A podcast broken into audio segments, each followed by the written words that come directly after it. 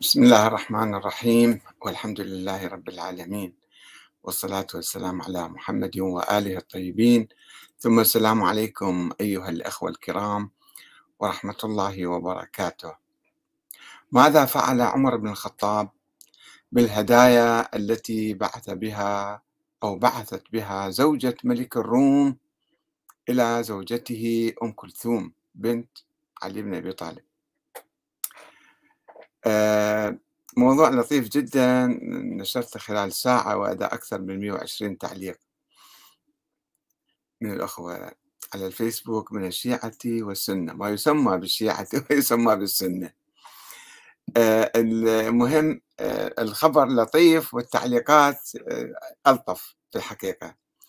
بعث لي أحد الأخوة بالفيسبوك خبرا يقول آه، وقف عمر بن الخطاب آه، أمير المؤمنين يوما على المنبر ممسكا بيده صندوقا وقال أيها الناس إن زوجتي أم كلثوم بنت علي بن أبي طالب أرسلت أرسلت إلى زوجة ملك الروم هرقل يعني. آه، هدية عبارة عن تمر وحناء وطيب من الأشياء اللي كانت موجودة في المدينة ذيك الأيام هدية. فردت زوجة ملك الروم عليها بهذه الهدية. وفتح عمر الصندوق أمام الحاضرين فإذا هو مملوء بالمجوهرات. وسأل عمر الحاضرين هل هذه المجوهرات من حق زوجتي أم تروح بيت المال مثلا؟ فقال الحاضرون نعم يا أمير المؤمنين إنها هدية بهدية. ولا يشترط فيها التساوي في القيمة. هي قدمت لها هدية وذيك قدمت لها هدية. شوفوا يعني عمر بن الخطاب ما كان يتصرف في المال العام ولو في ظن أو شبهة إلا بعد أن يحقق ويسأل الناس. المهم وكان في المسجد علي بن أبي طالب والد أم كلثوم زوجة أمير المؤمنين عمر. فوقف وقال يا أمير المؤمنين إن ظننت أنهم قد نصحوك فقد خدعوك. إنما أهديت الهدية لزوجة أمير المؤمنين. ولو كانت امرأة غير زوجة أمير المؤمنين ما أرسلت زوجة ملك الروم إليها بكل هذه المجوهرات.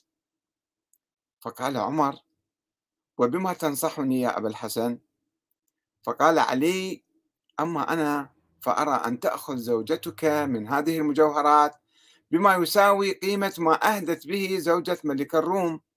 وباقي المجوهرات يرد إلى بي إلى بيت مال المسلمين.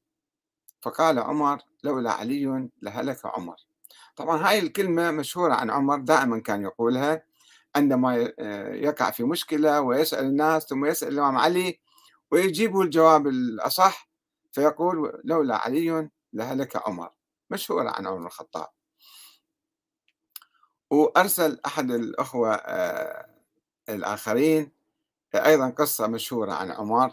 يقول كان عمر ينادي زوجته يا بنت الأكرمين كان يكرمها أم كلثوم يعني ويكرم أهلها. في إحدى الليالي كان سيدنا عمر بن الخطاب يدور حول المدينة ليتفقد أحوال الرعية. فرأى خيمة لم يرها من قبل فأقبل نحوها متسائلا ما خبرها فسمع أنينا يصدر من الخيمة فازداد همه ثم نادى فخرج منها رجل فقال من أنت؟ فقال أنا رجل من إحدى القرى من البادية وقد أصابتنا الحاجة فجئت أنا وأهلي نطلب رفد عمر فقد علمنا أن عمر يرفد ويراعي الرعية فقال عمر وما هذا الأنين؟ قال هذه زوجتي تتوجع من ألم الولادة فقال وهل عندكم من يتولى رعايتها وتوليدها؟ قال لا أنا وهي فقط. فقال عمر وهل عندك نفقة لإطعامها؟ قال لا.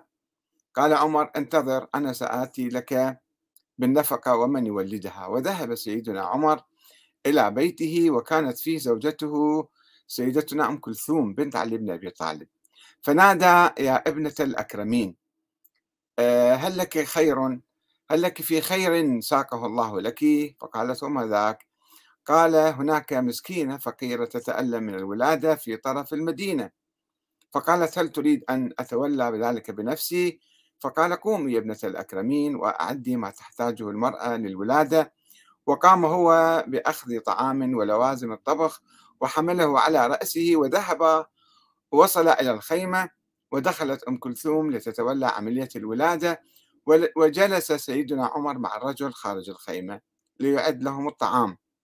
أم كلثوم من الخيمة تنادي يا أمير المؤمنين أخبر الرجل أن الله قد أكرمه بولد وأن زوجته بخير. عندما سمع الرجل منها يا أمير المؤمنين تراجع إلى الخيف مندهشا فلم يكن يعلم أن هذا عمر بن الخطاب. يعني فعلا جسمي اقشعر حقيقة. وعيوني دمعت. فضحك سيدنا عمر وقال له اقترب. اقترب نعم أنا عمر بن الخطاب. والتي ولدت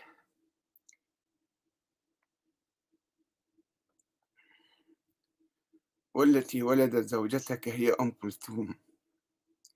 ابنة علي بن أبي طالب.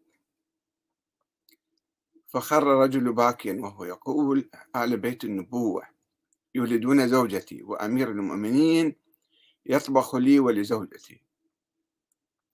فقال عمر خذ هذا وسآتيك بالنفقة ما بقيت ما بقيت عندنا.